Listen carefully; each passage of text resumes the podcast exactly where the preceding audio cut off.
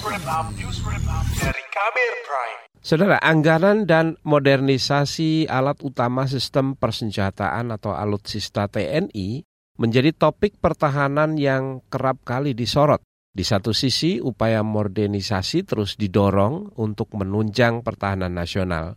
Namun masalah anggaran juga terus menjadi topik perdebatan. Simak laporan yang disusun jurnalis KBR Astri Septiani. Alokasi anggaran pendapatan dan belanja negara atau APBN 2024 untuk program modernisasi alutsista, non-alutsista, dan sarpras pertahanan sebesar 43 triliun rupiah. Mengutip kata data, nilai tersebut berkurang 8,4 triliun rupiah atau sekitar 16 persenan dibanding outlook realisasi anggaran 2023. Dalam sejumlah kesempatan, Presiden Joko Widodo menekankan pentingnya modernisasi alat utama sistem senjata atau alutsista TNI. Meski begitu, Jokowi memerintahkan institusi TNI tidak boros dalam belanja pengadaan alat utama sistem persenjataan atau alutsista.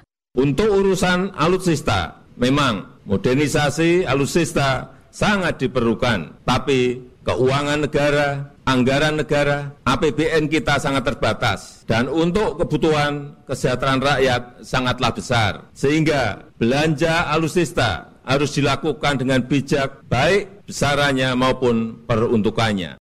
Jokowi mengatakan, modernisasi alutsista harus menjadi bagian penting dari pengembangan investasi industri pertahanan di dalam negeri. Itu sebab Jokowi menginstruksikan agar anggaran yang dimiliki TNI dan Kementerian Pertahanan dibelanjakan pada produk dalam negeri. Dalam berbagai kesempatan, anggaran dan modernisasi alutsista sering menjadi perbincangan hingga perdebatan, termasuk beberapa waktu terakhir menjelang pemilu 2024. Ketiga capres yang menjadi kontestan juga akan menyoroti hal yang sama, Topik tersebut bahkan akan menjadi salah satu tema debat ketiga yang bertemakan pertahanan pada minggu lusa. Juru bicara tim nasional pemenangan Anies Muhaimin Billy David menyatakan, Capres nomor urut 1 Anies Baswedan bakal mempersoalkan besarnya alutsista TNI. Anggaran ini berada di bawah Kementerian Pertahanan yang dipimpin Prabowo Subianto, Capres nomor urut 2 itu bukan menyudutkan, tapi itu jadi salah satu kritik juga kalau saya lihat mengkritisi tentang salah satu pos anggaran di anggaran kemenangan yang naik sampai 380 T itu kan anggaran pembelian alutsista. Jadi itu salah, jadi salah satu kritik. Mungkin itu jadi clue yang nanti akan disampaikan Pak Anies waktu debat sih.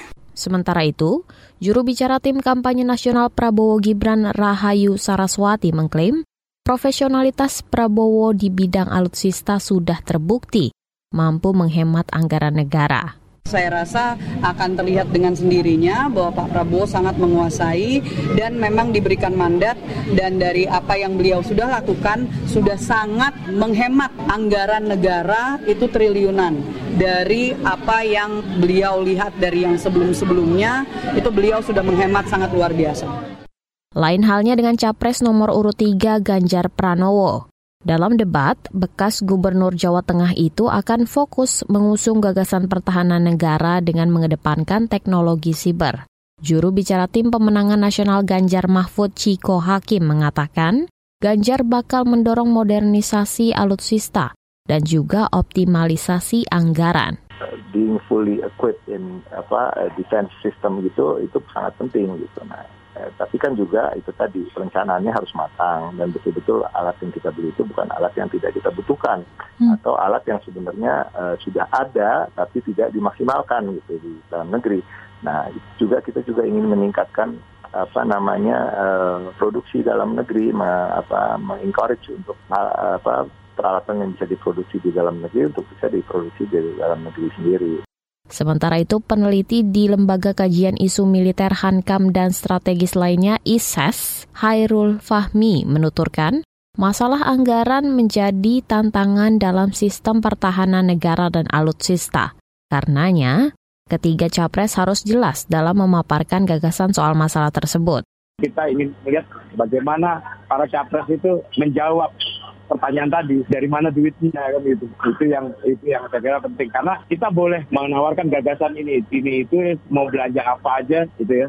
Tapi pertanyaannya kemudian adalah apakah realistis dijalankan kalau anggarannya tidak tersedia kan gitu?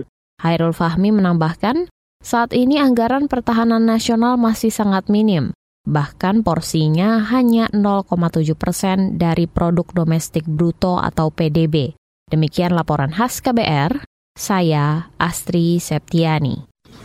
Kamu baru saja mendengarkan news wrap up dari KBR Prime. Dengarkan terus kbrprime.id, podcast for curious mind.